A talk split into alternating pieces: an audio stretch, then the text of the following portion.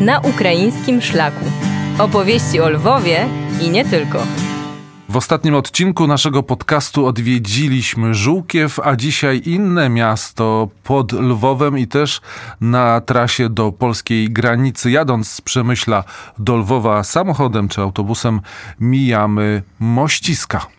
Tak, Mościska i w, zawsze, kiedy też jeździłem samochodem do Polski, to w, patrzyłem przez okno, wiedziałem, że tutaj jest no, chociaż mały, ale piękny i sympatyczny rynek, a oprócz tego też widziałem jakieś wieże, jakichś świątyń. No i okazuje się, że te e, świątynie w Mościskach e, nie są takie młode, a jedna z najstarszych e, jest świątynia świętego Jana Chrzciciela z XVI wieku. Założona została w XVI wieku. Pomysł podał jeden z królów polskich, być może Zygmunt August, i była rozbudowywana i dobudowywana przez wieki, nawet do prawie połowy XVIII wieku. I teraz to jest no, jedna z najważniejszych e, świątyń tej części obwodu lwowskiego. I za czasów sowieckich też e, była ta świątynia czynna, chociaż być może nie przez cały czas. Oprócz tego inna wieża, którą zobaczyłem jadąc z Lwowa do Polski, to wieża byłego klasztoru ojców dominikanów, który, e, który to klasztor został założony jeszcze w XIV wieku, a też rozbudowywany był przez e, wieki, przez stulecia i e, dalej po kasacie józefińskiej w ojcowie dominikanie już tam nie przebywali, a w XIX wieku ten klasztor i kościół został oddany zakonu redemptorystów. I teraz to jest dzisiaj sanktuarium e, Matki Bożej Nieustającej Pomocy. Według e, tej ikony cudownej ikony, oryginał której znajduje się w Rzymie e, i z którego zostało spisane kilka e, kilka kopii specjalnie, żeby ich wieść z Rzyma w świat. I jedna z takich kopii trafiła do, do Mościsk i też zasłonięła cudami. Także dzisiaj to jest sanktuarium E, sanktuarium e, Matki Boskiej nieustającej pomocy w Mościskach. Czy to jest y, obiekt większego kultu? Czy są tam pielgrzymki? Tak, tam są pielgrzymki i tak, to jest obiekt największego kultu, prawda?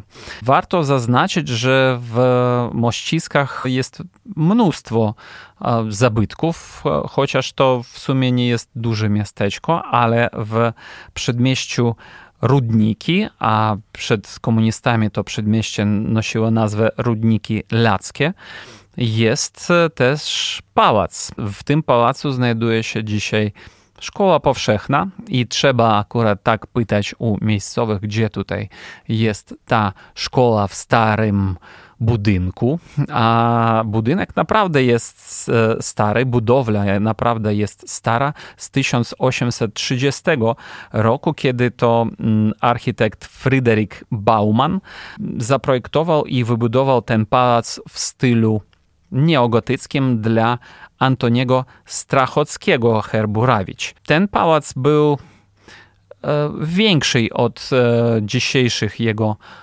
proporcji, ale znamy jego z litografii Auera e, z lat 20. XIX wieku i pałac e, przypomina trochę też zamek, bo ma wieżę i ta wieża się zachowała.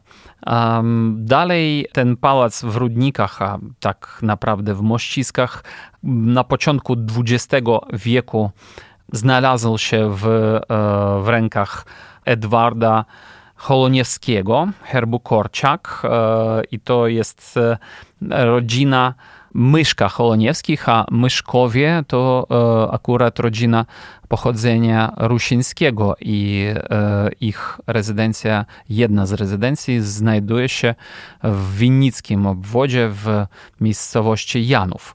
Więc wtedy to była posiadłość Holoniewskich. A dalej nastąpiła pierwsza wojna światowa. I e, podczas tej wojny światowej w tym pałacu 22 marca 1915 roku została podpisana kapitulacja twierdzy e, austriackiej, twierdzy Przemyśl, bo e, był, była potężna bitwa o twierdzy e, przemyskiej.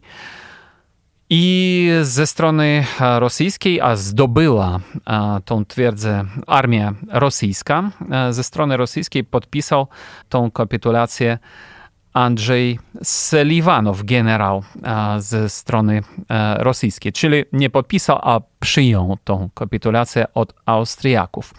I warto powiedzieć, że dzisiaj w tej szkole, bo dzisiaj powtórzę, że to jest szkoła, były pałac Antoniego Strachockiego, zachowały się niektóre elementy oryginalnego wystroju tego pałacu, więc warto tam przyjeżdżać i warto przyjeżdżać w taki dzień powszechny, kiedy szkoła jest otwarta żeby można było trafić do tego pałacu i zobaczyć te, te ozdoby, które tam są w wnętrzach. Mościska to miejscowość, którą można zobaczyć jadąc do Lwowa z Przemyśla. Co ważne, na miejscowym cmentarzu pochowano żołnierzy z września 1939 roku, polskich żołnierzy, którzy zginęli na tej ziemi dzięki staraniom Konsulatu Generalnego w Lwowie. Gdy zobaczą Państwo brzozowe krzyże po prawej stronie, jadąc w stronę Lwowa, jadąc w kierunku Lwowa, to będą właśnie te pochówki naszych żołnierzy z 1939 roku. Pierwotnie ich było, pierwotnie ich było 111, potem jeszcze dochowano kolejnych polskich żołnierzy. O mościskach opowiadał Dmytro Antoniuk, a to dlatego, że chcemy Państwu przybliżyć zabytki polskie na Ukrainie w związku z trwającą agresją. Dochodzą do nas informacje o zniszczonych zabytkach, na przykład w Odessie, a więc nie znamy dnia ani godziny i chcemy, żeby pamięć o nich była i żeby Państwo mogli zapoznać się z nimi. Wojciech Jankowski rozmawiał z Dmytrem Antoniukiem. Podcast na ukraińskim szlaku opowieści o Lwowie i nie tylko powstał we współpracy z Instytutem Polonika, który prowadzi projekty o charakterze konserwatorskim, naukowo-badawczym, edukacyjnym i popularyzatorskim. Poznaj zasoby danych o polskim dziedzictwie za granicą. Odkryj bogactwo polskiej kultury na baza.polonika.pl.